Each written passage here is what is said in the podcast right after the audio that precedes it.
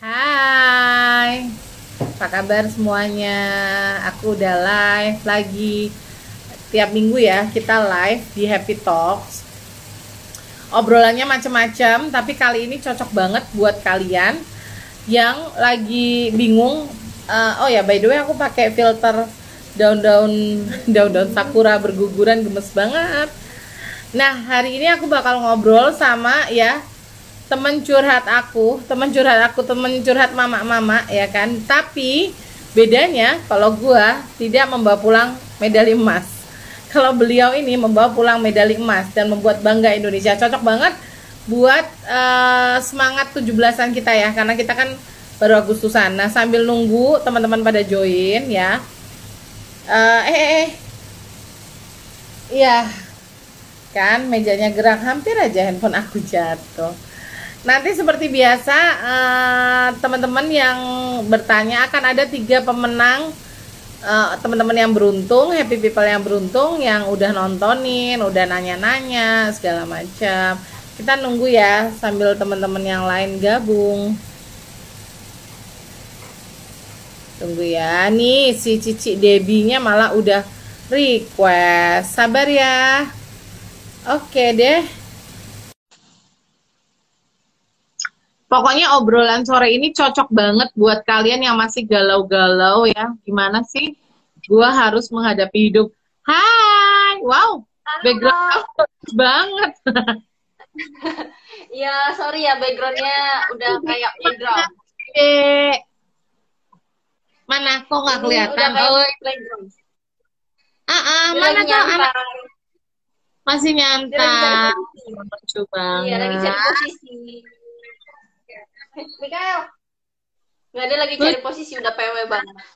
Aku pikir tadi kayak back, backdrop apa loh, ternyata tempat tidur anakmu toh. Ya ampun, gemesnya. Ya, karena balap bantuan aku belum datang.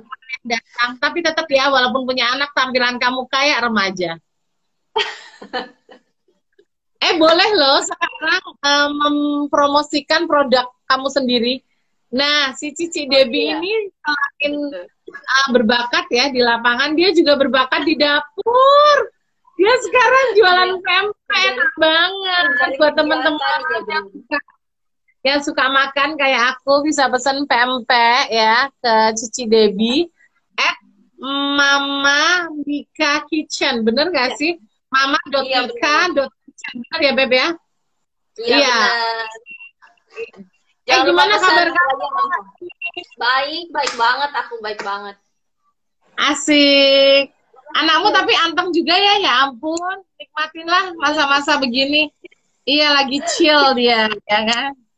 Nikmatilah masa-masa bisa belum bisa ngomel ya kan, belum bisa ngomelin mamahnya. Nah, iya. oke, okay. kita mulai aja ya, Beb. Obrolan kita. Hai. Bah, lucu banget. Kita udah kembar loh, kita udah kembar. Oh iya, twinning emang gitu ya. Emang ibu-ibu suka kembaran sama ya. anaknya. Tapi kamu Bener, suka kembaran sama suami kamu juga nggak? Nggak, sama anak aja. Mumpung anak belum bisa milih. Kalau suami udah bisa nolak, kalau anak belum bisa. kan suka gitu ya ibu-ibu ya lebih mencintai anak daripada suami nih kayaknya ya, ya kan udah, eh udah Deb hari ini kan sesuai judul ya kita kan mau ngobrolin fight for your dream gitu ya. Dan emang kan situasi pandemi ini tuh pengennya uh, di Happy Talk tuh kita sharing semangat lah ya. Karena gue tahu mungkin ini masa yang sulit buat teman-teman gitu kan, gak cuma buat uh, kita karena banyak layoff di luar segala macam. Jadi pengennya tiap kali Happy Talk tuh bisa nyuntikin semangat baru lah ya gitu. Nah, hmm. mungkin kalau follower kamu udah pada katam kali ya, udah pada paham si Cici Debi ini perjalanannya gimana gitu ya. Cuman uh, pengen sedikit nanya ini karena gue rasa jadi atlet itu juga butuh komitmen dan progres perjuangan yang panjang banget gitu ya. Uh, kamu sejak kecil atau sejak kapan sih lu tuh punya cita-cita? Oke okay deh, gue jadi atlet aja gitu. Uh, sebenarnya dari kecil itu karena dorongan hmm. orang tua yang pastinya dari awalnya dorongan orang tua karena kan yang hobi itu dari keluarga sebenarnya. Cuman aku bener-bener mutusin oke okay, aku mau fokus di bidang ini itu setelah aku lulus SMP setelah aku lulus SMP dan aku ke Jakarta. Nah itu benar-benar aku mutusin oke okay, di situ aku ambil keputusan besar aku menyampingkan sekolah dan aku fokus di olahraga untuk masa depan aku wow keren banget. Nah tapi Dep gini ya. Lu tadi nyebut tuh masa SMP gitu ya. SMP itu kan masa-masa ABG labil banget tuh. Lu kalau waktu itu kok lu bisa kayak oke okay deh gue firm deh ini gitu. Uh, teman-teman lu nggak ada yang apa ya nggak ada yang komen. Kayak zaman sekarang kan banyak yang komen ya ih beb masa sih lu gak sekolah? Lu mau jadi atlet gitu kan. Kalau dulu gimana tuh beb pengalaman lo uh, kalau jujur ya kalau flashback balik ke masa-masa masih sekolah gitu. Jujur aku sih ngerasa aku di bidang akademis itu nggak terlalu menonjol, biasa-biasa aja, standar aja. Karena ditambah lagi akunya juga males gitu jadi hmm, hmm, pas hmm, nah, uh, waduh waduh jadi tanya terus?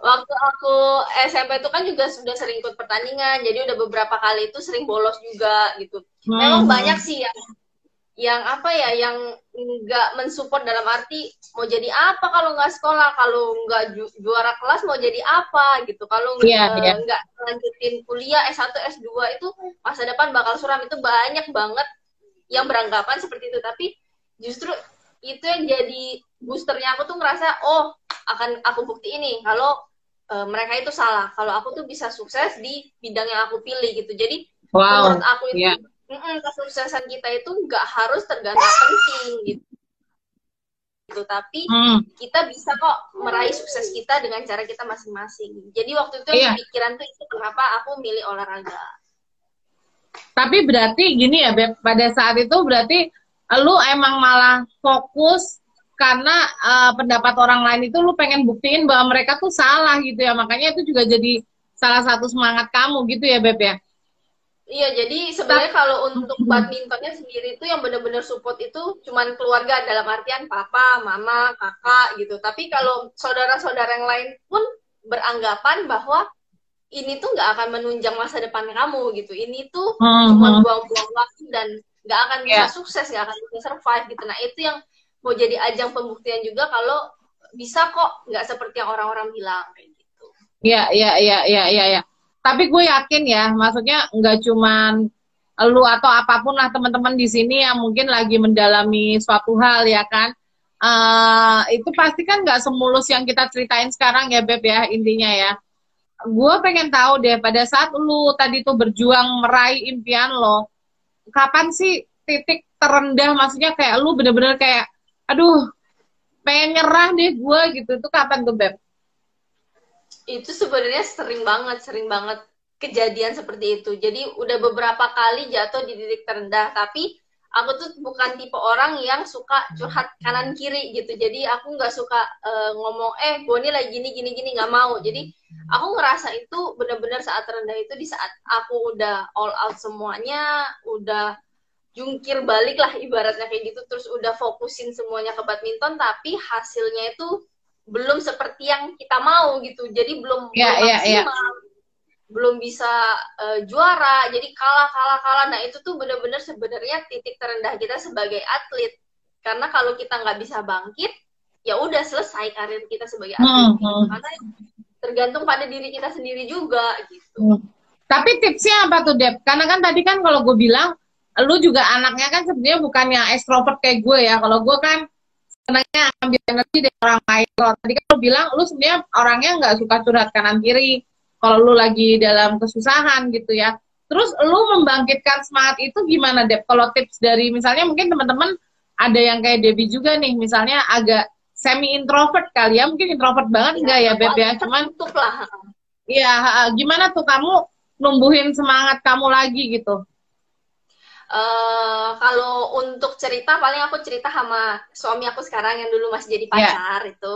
Ya, hmm. Jadi aku cuma cerita sama dia. Aku nggak pernah cerita ke keluarga karena apalagi ke orang tua gitu karena aku nggak mau hmm. nambah beban pikiran orang tua. Pasti kan hmm. gimana pun juga kalau anak curhat cerita dia gagal dia yeah. sedih pasti yeah. juga namanya orang tua pasti akan yeah. kepikiran gitu. Nah, hmm. Nah jadi aku di situ aku dituntut untuk dewasa sebelum waktunya. Jadi aku cuman uh, setiap kali aku gagal setiap kali aku ngerasa aku nggak bisa aku cuma mikir oh ini sesuatu yang masih ditunda gitu jadi okay. uh, segala sesuatu tuh ya aku ngerasa masih ada penundaan mungkin akunya belum pantas untuk dapat uh, hal yeah. yang aku mau berarti aku harus memantaskan diri gimana caranya ya coba lagi gitu coba lagi sampai bener-bener uh, di di ujung itu nggak akan ada penyesalan mau berhasil atau enggak tapi aku udah bener-bener all out okay. gitu. jadi aku ngerasa maksimal ya kayak, hmm. iya harus maksimal dan aku ngerasa itu tuh hanya penundaan aja nah kita bisa nggak kuat nggak dalam penundaan itu gitu oke okay, oke okay, oke okay. wow it's a good reason ya karena maksudnya kadang-kadang orang tuh hanya fokus pada result gitu kan sedangkan kalau aku lihat Debbie lebih fokus ke how to improve yourself. Nah ini juga catatan penting ya buat teman-teman anak muda yang mungkin lagi nonton kita. Karena kan kadang-kadang sekarang dengan kemudahan teknologi gitu ya, kita jadi orangnya pengennya serba praktis, serba instan gitu ya Dep ya. Jadi kita yeah. malah lupa gitu. Kita kurang fokus sama gimana kita improve diri kita sendiri gitu. Nah, tapi tadi tuh Dep, uh, lu kan dari SMP udah memilih untuk menjadi atlet gitu ya. Tapi kita tahu manusia itu selalu punya banyak mau ya, punya banyak impian. Lu punya impian lain gak sih uh, selain jadi atlet? Sebenarnya impian tuh banyak gitu kan. Kalau apalagi kita sebagai masih ABG ababil gitu kan, nah. si ini, oh, kok dia bisa musik ya? Uh, kok kita nggak bisa? Ih kok dia nyanyi suaranya bagus ya? Kok kita nggak gitu? Jadi uh. memang waktu itu masih banyak membandingkan diri. Oh kenapa ya gue nggak bisa gini? Kenapa gue nggak bisa gitu gitu? Cuman semakin kita mikir ke situ tuh kadang kita semakin minder sama diri kita sendiri. Iya. Hmm. Ya, jadi aku memutuskan uh, udahlah aku fokus dengan apa yang aku bisa, dengan apa yang Tuhan beri lebih sama aku gitu. Jadi yeah. uh, uh, uh, lebih berfokus pada apa yang aku punya dan enggak iri sama sekitar. Jadi lebih banyak pikiran positifnya di situ gitu waktu itu. Iya. Jadi lu uh, fokus ke strength lu lah ya daripada ke weakness karena kan ya kalau weakness kita emang udah nggak bisa ngapa-ngapain udah udah dapetnya begini gitu ya Dep ya. Tapi gimana caranya mengimprove strength itu. Nah tapi tapi ada nggak sih lu pengen jadi apa gitu? Yang lain misalnya lu ternyata punya kayak sekarang kan lu akhirnya punya bisnis kuliner gitu ya. Apakah emang dari dulu lu kepikiran kayak kayaknya punya jadi pemilik pengusaha rumah makan enak nih atau jadi chef atau apa gitu kalau cita-cita sebenarnya nih kalau cita-cita dari kecil ya aku sebenarnya tuh pengen banget aku kayalan anak kecil nih kayalan anak kecil. Aku pengen banget waktu itu punya banyak duit dan aku pengen bangun uh, aku pengen bikin rumah susun waktu itu. Karena aku sering ngeliat kalau aku lagi naik mobil itu banyak anak-anak seusia aku yang kurang beruntung jadi mereka di oh, jalanan oh, okay. punya rumah nggak punya tempat. Tinggal jadi aku tuh hmm. waktu kecil tuh sering banget mikir aduh kalau gue punya duit banyak gue pengen banget nih bikin rumah susun buat mereka tinggal. Waktu itu oh amin amin ya. Ya amin hmm. amin amin. Jadi waktu itu mimpinya jadi miliarder gitu. Miliarder yang wow. bisa. Miliarder yang bisa tujuan baik gitu ya tujuannya baik ya. Amin. Ya, ya ampun bagus banget loh itu ya Iya, amin, amin dong, amin. Tadi tuh lu sempat mention ya masalah lu hanya curhat ke suami dulunya pacar. Emang uh, berapa lama sih kalian pacaran kalau boleh tahu? Sampai sekarang ya, sampai nikah jadi pacaran berapa lama, nikah berapa lama? Kalau sampai sekarang itu bareng-bareng berarti 14 tahun. Oh, lama ya. Hahaha. 14 tahun. Kan aku masih cabe-cabean tuh dari umur 17 cabai-cabai anak itu. Sampai sekarang sih 14 Teman apa sih kalau boleh tahu teman apa? Uh, dulunya tuh sebenarnya dia tuh atlet badminton juga di klub. Senior senior oh, oke. Okay. senior. Uh, awalnya tuh dia senior yang suka ngerjain nah sekarang balik aku yang ngerjain gitu kan. Itu namanya oh. wow. Ya, lucu banget. sekarang udah mau jalan tiga tahun lah.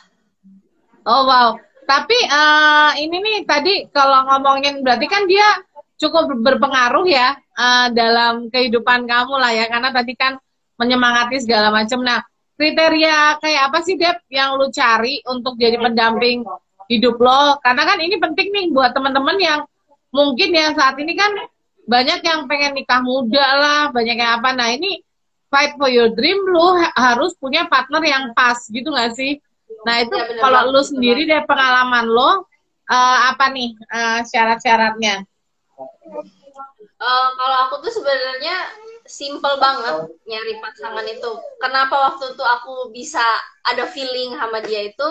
Karena aku ngeliat dia itu sosok yang sopan. Dia sopan hmm. banget sama cewek.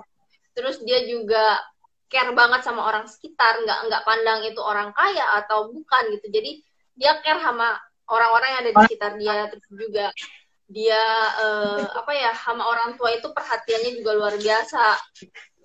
Family man banget lah gitu bisa dibilang kayak gitu. Nah itu yang awalnya bikin aku oh oke okay nih kalau gue dapetnya kayak dia gue nggak main-main lagi deh gitu. Waktu itu punya pikiran iya. Waktu itu pikiran seperti itu. Nanti kalau aku dapetnya dia atau tipe seperti dia oh oke okay, aku nih serius nih udah udah nggak main-main lagi. Nah gitu. Pas dapetnya tapi dia, ini udah, aku baca pertama beb. Baca pertama. Oh, uh sombong sombong. Mama Mika sombong. Wah, pacar berapa nih kalau boleh tahu?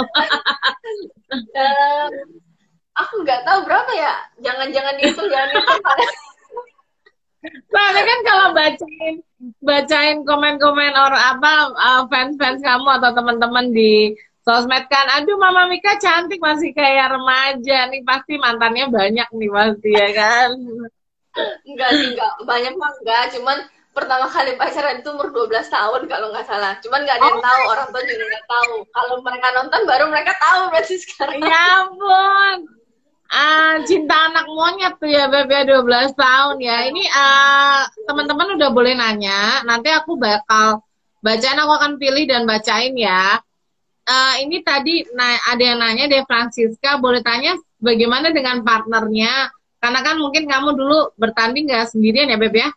seberapa besar pengaruh dalam mengambil keputusan atau perjuangan Mbak Devi? Waktu itu gimana sih sama partner yang uh, di badminton kamu, Beb?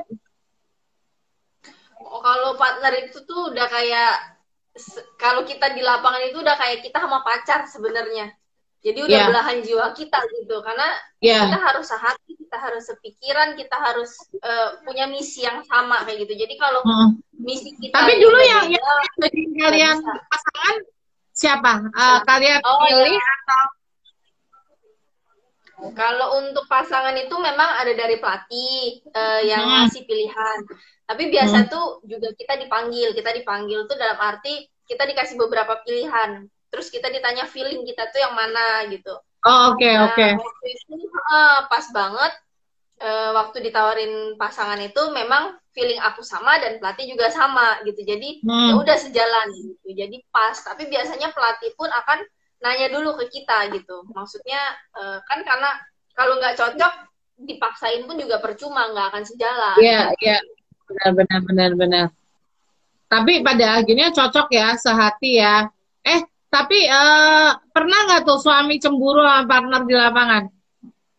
Nah, untungnya karena dia juga dari basicnya mungkin atlet juga, jadi mm-hmm. eh, nggak mm. uh, pernah cemburu. Mungkin juga karena beda umurnya lumayan jauh, jadi dia lebih ngemong, nggak mm. nggak pernah cemburu. Yeah. Terus juga nggak pernah menuntut yang enggak enggak dalam mm-hmm. arti harus gini gini gini enggak. Karena aku dari awal pun waktu sama dia pacaran waktu aku umur 17 tahun itu, aku waktu itu bilang sama dia, uh, kalau mau sama aku minimal nunggu aku 8 tahun karena aku harus main olimpiade aku bilang waktu itu itu pun ya, aku nggak tahu aku bakal bisa main olimpiade atau enggak cuman itu udah mimpi aku aku harus maksimal dulu 8 tahun aku harus ikut ngejar olimpiade dulu kalau ya misalnya ya, kira-kira ya, ya, ya, Beb, ya.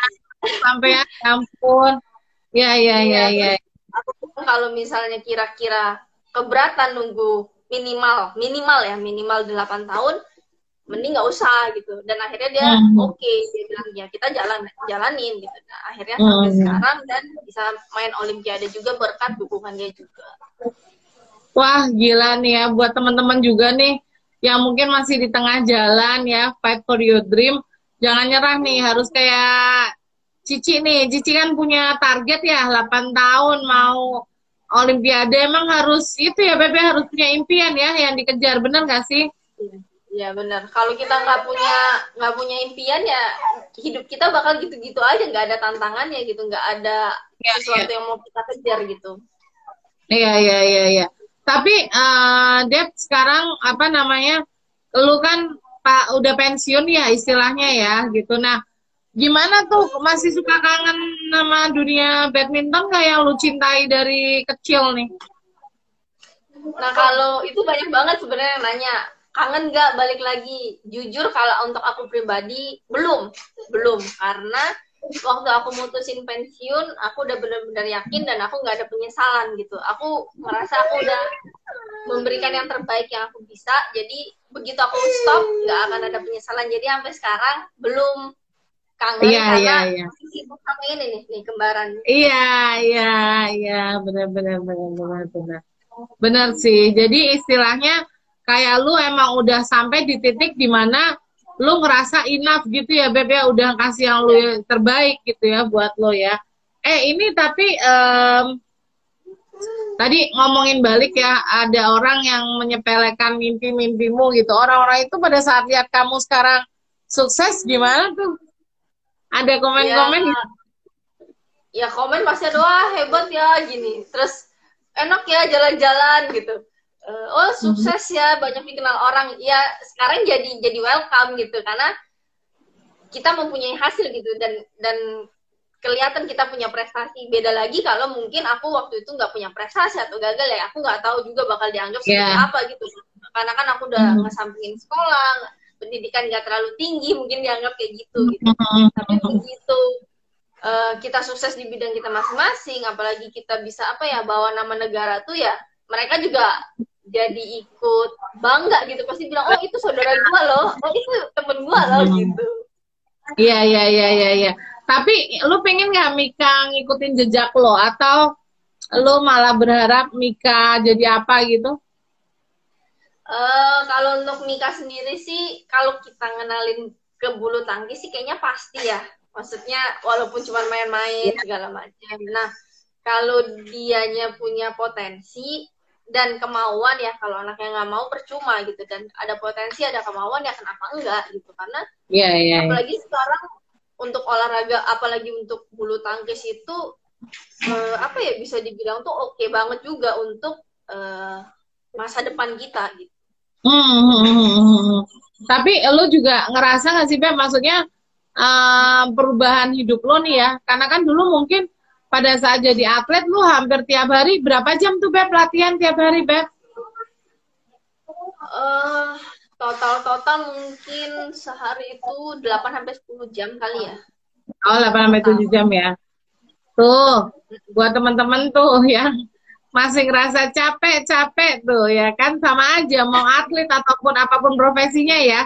Kita emang harus usaha ini ada yang nanya gimana sih caranya kita tahu skill kita yang sebenarnya atau apakah hobi itu sebagian dari skill kita? Gimana tuh, Beb? Uh, kalau untuk aku pribadi kan aku juga merasa aku tuh skillnya nggak seperti teman-teman aku yang lainnya di pelatnas. Mereka kalau kita di olahraga tuh bisa dibilang ada bakat alam. Jadi dari lahir tuh oh, iya. udah ada bakat gitu ya kan. Hmm. Nah kalau aku ngerasa sebenarnya aku nggak aku nggak punya bakat alam gitu. Aku biasa aja. Nah karena aku tahu aku nggak terlalu punya bakat seperti teman-teman aku berarti aku harus dua sampai tiga kali kerja keras daripada mereka.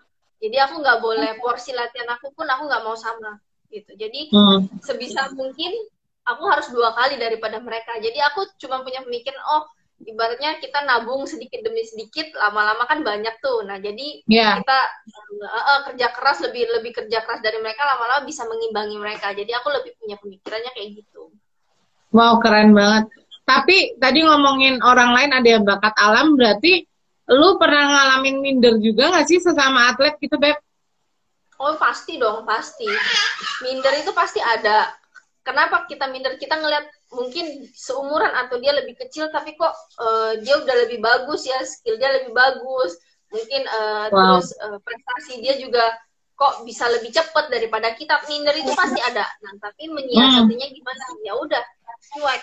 Kita sebagai atlet itu harus cuek. Cuek dalam arti eh, nggak uh, boleh terlalu banyak dengar omongan orang gitu. Terus juga nggak hmm. boleh terlalu jadi fokus benar-benar lagi balik lagi ke diri kita sendiri gitu. Jadi aku wow. itu fokusin gimana caranya aku harus ngelewatin dia jadi aku bikin step step step gitu waktu itu kan kalau kalau untuk di ganda campuran kan paling tinggi Cibutet betul yeah. Nasir jadi aku uh, punya step itu aku harus paling nggak satu sampai dua step hanya di bawah dia gitu dari okay. dari ujung sini aku harus ada di sini yeah. gitu nah itu uh-huh. perjalanannya sih cukup panjang cuman ya puji Tuhan terjadi gitu.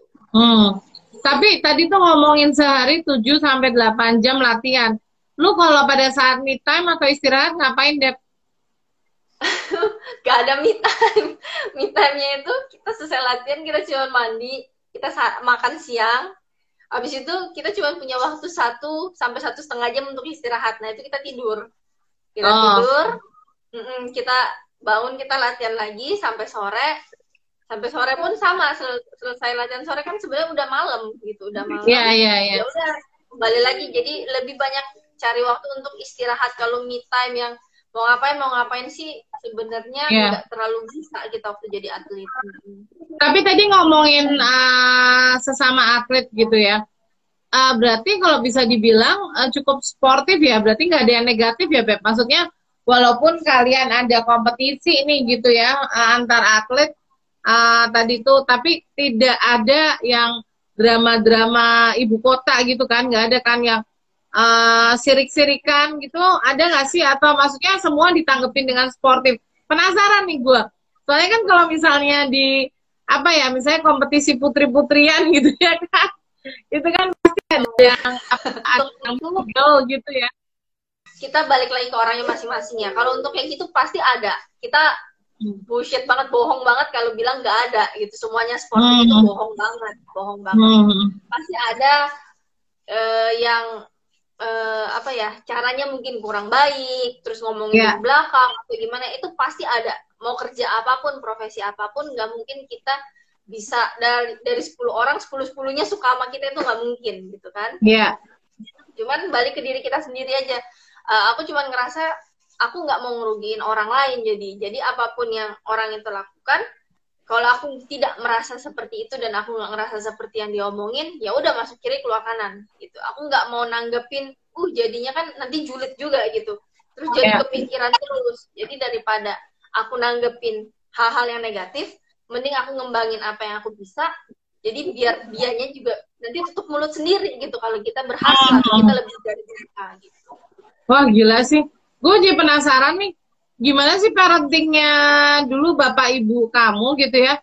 Kamu jadi pribadi yang sekokoh itu gitu. Maksud gue kan kadang-kadang orang lebih fokus ke galaunya gitu ya. Uh, ketimbang fokus ke mengejar tadi tuh. Kayak lu kan bener-bener oke okay deh gue fokus ke diri gue gue fokus ke kemampuan gue itu kalau dari sisi orang tua lu dulu apa sih yang diajarin Dep gitu? Yang kira-kira tuh kayak berperan besar nih di karir lu gitu pasti pasti peran besar banget karena kalau nggak berperan besar itu kayak aku aku baru umur 15 16 tahun ke Jakarta dilepas sendiri itu aku bisa yeah.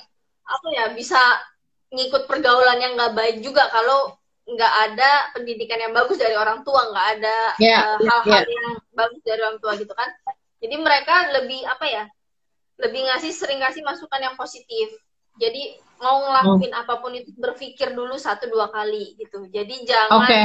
udah ngelakuin nanti akibatnya ya tanggung sendiri gitu kalau kita melakukan hal-hal yang nggak baik gitu hmm. terus harus uh, harus bisa mengangkat derajatnya sendiri dalam arti kan kita waktu itu sebagai keluarga dianggap sebelah mata sama keluarga hmm. saudara-saudara mungkin karena yeah. dari sisi sisi pendidikan nggak seperti saudara-saudara yang lain gitu nah waktu itu hmm. cuma ditantang sama lebih ditantang sama papa sih Eh, bisa nggak ngangkat nama keluarga gitu. Ya. Yeah. Jadi bisa nggak ngangkat nama keluarga lewat olahraga gitu. Jadi waktu itu hmm. pikirannya gitu. Jadi setiap kali mau ada ajakan negatif atau teman-teman ada yeah. ajakan negatif itu selalu mikirnya takut ngelakuin kesalahan. Nanti takut kalau ngecewain orang tua, takut ngecewain mama lebih tepatnya di situ aja sih. Hmm. Tapi berarti ini ya Dep ya, yang gue bisa highlight juga kebebasan yang dikasih oleh orang tua lu itu malah membuat lu apa ya lebih bertanggung jawab gitu ya. Kadang-kadang kan sekarang kita sering nih ngomong jangan jangan gitu ya, jangan ini jangan itu gitu ya. Ternyata mm, percaya pada pilihan anak dan kasih kebebasan tuh bisa jadi salah satu peran penting ya. Itu yang bikin gue belajar nih dari bapak ibu kamu juga gitu. Ini ada yang nanya nih um, arti sukses menurut kamu apa sih? Wah ini banyak-banyak yang bilang Cidep, untuk kan ngefans banget gitu katanya. Sama ada nih, ah, sorry, sorry, aku ya baca pertanyaan ini dulu. Dari si Torus, si Hombing, Ruslina. Seberapa penting sih wanita itu harus membuat prestasi menurut si Debbie? Bagus nih pertanyaannya. Seberapa penting apa? Punya prestasi. Jadi perempuan punya prestasi itu penting nggak menurut lo? Oh, kalau untuk aku sendiri sih itu penting banget ya, karena kita sebagai wanita tuh bisa mandiri gitu. Kita juga bisa, kita ngerasa nggak nggak direndahkan, kita ngerasa kita bisa melakukan apa pun yang kita mau asal kita benar-benar fokus dan kita kejar benar-benar uh, apa ya kita tuh bisa benar-benar dipandang orang tuh sepadan gitu. Jadi nggak sebelah mata banget. Dan bagus banget kalau menurut aku wanita itu mandiri, apalagi di zaman sekarang ini gitu ya dalam mandiri itu dalam hal ya kehidupan prestasi. Terus cari penghasilan itu menurut aku tuh harus banget untuk zaman sekarang. Wow. Jadi penting ya berprestasi itu bukan untuk nunjukin ke orang lain aja gitu ya Dep ya. Ke diri kita sendiri gitu ya. Ini uh, banyak nih yang minta disapa kak. Aku ngefans kak. Sapa aku dong. Tuh M aktif atau kasihan tuh kak Dep aku ngefans banget katanya ya kan? Tadi ya aku ada udah baca pertanyaan terus aku lompat. Tadi pertanyaannya arti sukses menurut kamu apa deh dari Rahmat underscore Y Al RD? Kalau untuk aku sendiri arti sukses itu bukan hasilnya, maksudnya bukan harus juara, juara, juara, juara, bukan. Arti sukses menurut aku itu di saat kita gagal, di saat kita nggak berhasil, kita bisa bangkit lagi kita bisa coba lagi sampai benar-benar dapat hasil yang kita mau. Walaupun mungkin nggak prosesnya semua orang itu nggak sama gitu. Contohnya misalnya kayak teman-teman aku dia satu dua tahun dia bisa langsung bagus gitu dapat hasil yang memuaskan. Yeah. mungkin kalau untuk aku pribadi aku harus lebih lama harus menunggu 4 sampai enam tahun. Tapi aku merasa sukses itu karena aku bisa bertahan dan aku ngelewatin masa-masa yang menurut aku tuh sulit gitu. Aku bisa bangkit lagi dan aku bisa ada di posisi teratas. Nah itu menurut aku sukses.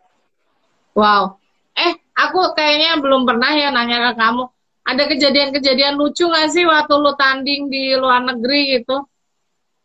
Kayak kebanyakan kalau ya kalau live sama kamu yang ditanyain prestasi gitu ya. Gue penasaran tuh ada gak sih kelucuan atau kenorakan atau apalah kalau Nora ya pasti ya, apalagi kalau kayak kita orang kampung terus keluar negeri kan awal-awal pasti Nora. Ke mana ya. nih? Yang paling Nora ke mana nih Beb? Uh, yang paling Nora itu pertama kali itu aku ke Paris karena aku tuh punya impian banget dari kecil. Aku pengen banget lihat Eiffel, pengen banget lihat Eiffel. Jadi begitu nyampe Eiffel, wah teriak-teriak gitu foto-foto gitu. Katro, katro banget, katro banget. eh, Terus waktu ke Paris itu tanding apa gitu. tuh? Tanding apa itu kalau waktu ke Paris? Kalau di Paris tuh uh, French Open itu memang setiap tahun ada gitu. Cuman nggak semuanya kalau yang belum ada prestasi biasanya nggak nggak bisa dikirim ke situ gitu. Jadi wow. udah cukup ada prestasi baru bisa dikirim gitu. Jadi pertama kali lihat Eiffel tuh norak banget. Padahal Eiffelnya di situ aja. Tapi kita puterin foto dari sisi sini sisi sini. Ya, di situ aja dia. Tapi itu habis standing ya, habis standing ya baru jalan-jalan ya uh, biasanya sebelum sebelum. Jadi kan kalau kita nyampe itu kita ada untuk jet lagnya dulu kita latihan. Ah. nah kita di sela-sela itu kan ada istirahat sore udah nggak apa-apain ya udah yuk jalan gitu sekalian cari makan hmm. gitu. Tapi kalau kita udah pertandingan biasanya kita udah nggak keluar-keluar lagi. Oh gitu, fokus ya fokus. ya. Dep pertanyaan gue nih agak nasionalis ya karena sehubungan sama kita habis ngerayain ulang tahun Indonesia ke 75 nih ya apa sih hal yang paling lu banggain sebagai orang Indonesia, Dep? Hal yang paling aku banggain itu semuanya ya. Kalau dari budaya itu semuanya. Tapi benar-benar aku bangga sebagai orang Indonesia itu ketika aku pakai nama keluarga aku di punggung gitu nama Susanto. Terus aku bawa nama Indonesia dan ada bendera Indonesia. Kalau di pertandingan itu kita bisa naikin bendera merah putih gitu. Itu rasanya wow ya ya bendera merah putih naik tuh bener-bener rasanya tuh apa ya sedih merinding ya, ya bangganya iya benar iya jadi benar-benar ya, ya, bangga ya. banget. Tapi apa sih uh, lu selama jadi orang Indonesia nih menurut lu apa yang paling lu banggain uh, dari negara kita ini? Semuanya aku banggain, tapi yang paling aku banggain makanan kita karena makanan kita paling enak. Termasuk pempek lu ya, ya kan? Termasuk Emang sih makanan jangan lupa pesan. Ya? Iya, jangan lupa ya, pesan sekalian promosi. Kitchen ya kan? Iya tapi bener sih maksud aku um, apa ya aku melihatnya kamu sekarang pada saat pensiun memang ini adalah bagian dari plan besar kamu gitu ya Dep ya orang kan ngelihatnya kok baru sebentar kakak main udah ini padahal gue setiap kali happy talk sama orang yang gue bisa anggap orang ini positif, optimis dan sukses biasanya mereka memang punya pattern yang jelas gitu. Mereka tuh mau ngapain gitu nggak sih? Iya, ya iya, bener iya. nggak? Iya. bener. Ada jadi aku besar apa beb? Yang belum kesampaian. Cita-cita besar apa yang belum kesampaian? Kalau cita-cita kalau sebagai ya. Lusun tadi ya kalau sebagai atlet ya kalau cita-cita terbesar pasti kita pengen punya medali uh, kejuaraan dunia kita pengen medali olimpiade tapi balik lagi gitu jalan Tuhan itu kan beda-beda. Jalan Tuhan itu beda-beda. Aku ngerasa aku bisa main di Olimpiade aja itu udah luar biasa banget menurut aku karena betul, dari betul. orang Indonesia uh, waktu itu cuma kita berdua yang berangkat untuk mewakili Indonesia di ganda campuran. Keren banget. Jadi, kamu uh, nangis gak tuh Dep? Aku dengarnya aja mau nangis nih. nangis gak waktu kamu? Iya gak sih? Kayak maksudnya itu kan kamu udah impi-impiin banget ya kan 8 tahun usaha gitu terus terus uh, jujur waktu di pesawat lagi kita waktu itu kan kita di Brazil di Rio itu tuh aku sebenarnya yeah. nangis gitu dalam hati aku tuh ngerasa beruntung banget gitu apalagi begitu nyampe nginjekin kaki masuk di atlet village uh. bener-bener apa ya nggak bisa diungkapin sama kata-kata gitu bener-bener bangganya luar biasa terus kayak ya udah bener-bener ini mimpi aku nih gitu. Jadi setelah iya iya iya. Akhirnya di titik pun, ini gitu ya? Iya bener banget. Jadi setelah ini pun aku stop pun aku udah nggak ada penyesalan karena aku udah ngejar mimpi aku. Gitu. iya Wah gila sih. Tapi partner kamu juga sama deh. Maksudnya dia ini masih main gak sih? Partner kamu? Masih masih dia, dia bakal main nanti di Olimpiade Tokyo. Wow. Eh jadinya kapan ya? Setelah diundur ini masih next year, right? tahun depan bulan Agustus kalau nggak salah jadi Iya, ya, next year, next year. Atau kan kemarin desas-desusnya kalaupun terjadi mungkin without penonton gitu. Jadi kayak ya. yang Eva ya kan. Ya. Karena ya dengan kondisi kayak gini gitu ya. By the way, gue tuh sebenarnya masih pengen ngobrol panjang, tapi kalau di uh, IGTV ini kita bisa simpen di IGTV kalau satu jam gue cut terus gue simpan. Nah, ini uh, bukan penutup sih ya, uh, tapi maksudnya gue tahu situasi ini nggak gampang nih buat teman-teman. Kira-kira lu ada kalimat penyemangat apa nggak sih, Dep? Gitu buat kita-kita atau teman-teman yang lagi nonton yang mungkin lagi down, lagi nggak tahu, lagi galau, mau ngejar mimpi yang mana gitu.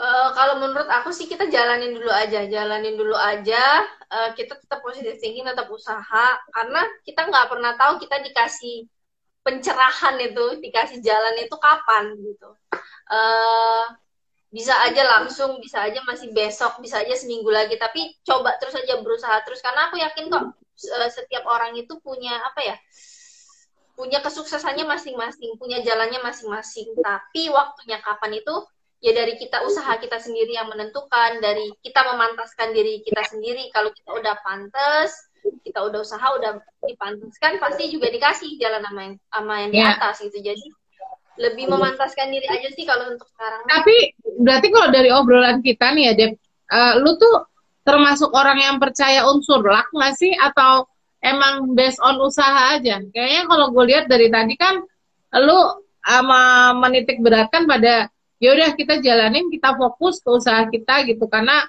percaya Tuhan Tuhan punya rencananya sendiri gitu. Lu tapi berarti percaya nggak tuh ada orang-orang yang bejo gitu yang punya percaya, unsur percaya banget. Percaya banget. Iya nggak sih? Iya percaya banget. Gitu. Dan aku juga percaya. Aku, ini nggak tipikal yang beruntung gitu nggak? uh, aku harus mengatain uh, aku harus bilang diri aku tuh beruntung karena kalau dibandingkan sama orang-orang lain uh, aku aku sangat sangat sangat beruntung lah aku yeah. merasa seperti itu walaupun banyak orang yang tidak beranggapan seperti itu banyak yang yeah. oh, nggak gini ya kok dia nggak gitu nggak tapi dengan apa yang aku punya sekarang dengan apalagi aku udah punya Mika gitu yeah. Dan, pokoknya segala sesuatu yang aku miliki sekarang aku ngerasa aku beruntung dan faktor luck itu kalau untuk tadi dibilangin menurut aku sangat penting dan kita pun bisa ngejar faktor luck kita kalau kita berusaha. Jadi faktor luck itu akan muncul sendiri. Menurut aku sih kayak gitu. Oh wow wow ya ya ya. Jadi lucknya itu karena kita juga udah uh, ini ya usaha semaksimal mungkin gitu ya Beb ya. Gitu. Iya. Oke ya. oke. Okay, okay. Atau bisa di, bisa kita bilang faktor luck ini emang udah saatnya nih dari Tuhan untuk kita gitu nggak sih? Iya. Iya nggak iya, sih Beb? Nah, mm -mm. terus um, ini apa nih? Uh, tadi aku tutup uh, komennya supaya mereka bisa ngeliat muka kamu dengan jelas. Kan tadi aku diprotes Beb. Komennya nutupin mukanya Kak Devi. Jadi aku tadi matiin komennya ya kan. Terus uh, apa karena tadi dengar kamu selalu berencana, kira-kira rencana lima tahun ke depan apa nih beb? Ada udah punya planning gak nih? Ha? Ya, kalau untuk sekarang sih ya, apalagi udah punya baby ya, aku ya. lebih yeah lebih sekarang mikirnya tuh gimana caranya aku bisa jadi orang tua yang baik gimana yeah. aku jadi flashback lagi gimana sih cara orang tua aku mendidik aku biar aku jadi jadi pribadi yang seperti ini kayak gitu jadi yeah, uh, yeah, yeah, yeah, yeah. aku bisa bisa menerapkan hal yang sama supaya nanti Mika tuh bisa jadi pribadi yang baik juga terus aku juga nggak salah didik gitu jadi aku lebih berfokus pada hal itu sekarang nggak nggak mikir yeah, oh yeah. nanti apa ya apa ya gitu lebih mikirnya ke situ aku pengen jadi orang tua yang yang berhasil untuk anak aku gitu. Amin. Ya ampun itu doa aku juga. Karena ya, jujur amin. deh soalnya ini ya apa kita punya anak ini kan tanpa buku manual book. Jadi benar-benar meraba-raba. Terus udah gitu kadang-kadang juga yang di pengalaman aku sendiri anak aku kan jauh berbeda ya tipikal sifat dan karakteristiknya sama aku. Jadi emang gila seni menjalani hmm. hidup banget lah bersama anak nih ya gitu jadi emang bener-bener parenting is hard sih dan bagus kalau emang kamu memfokuskan diri untuk jadi apa ya good parents ya buat Mika ke depannya. Iya. Oke deh, biar nggak kepotong dan gue bisa save. Thank you so much udah ngobrol-ngobrol sama kita. Jangan bosan-bosan, sehat-sehat terus sukses Mama Mika Kitchennya. Buat teman-teman yang tadi udah nanya-nanya, aku sorry banget nggak bisa aku bacain semua karena sebagian besar tuh ngefans ya sama Debbie dan aku baca kayaknya udah banyak yang nanya juga lah di sosial media kamu makanya nggak aku bacain. Sukses terus ya Deb. See you. Salam buat suami dan anakmu. Dadah. Aku simpen ya di IGTV. Dadah. Thank you.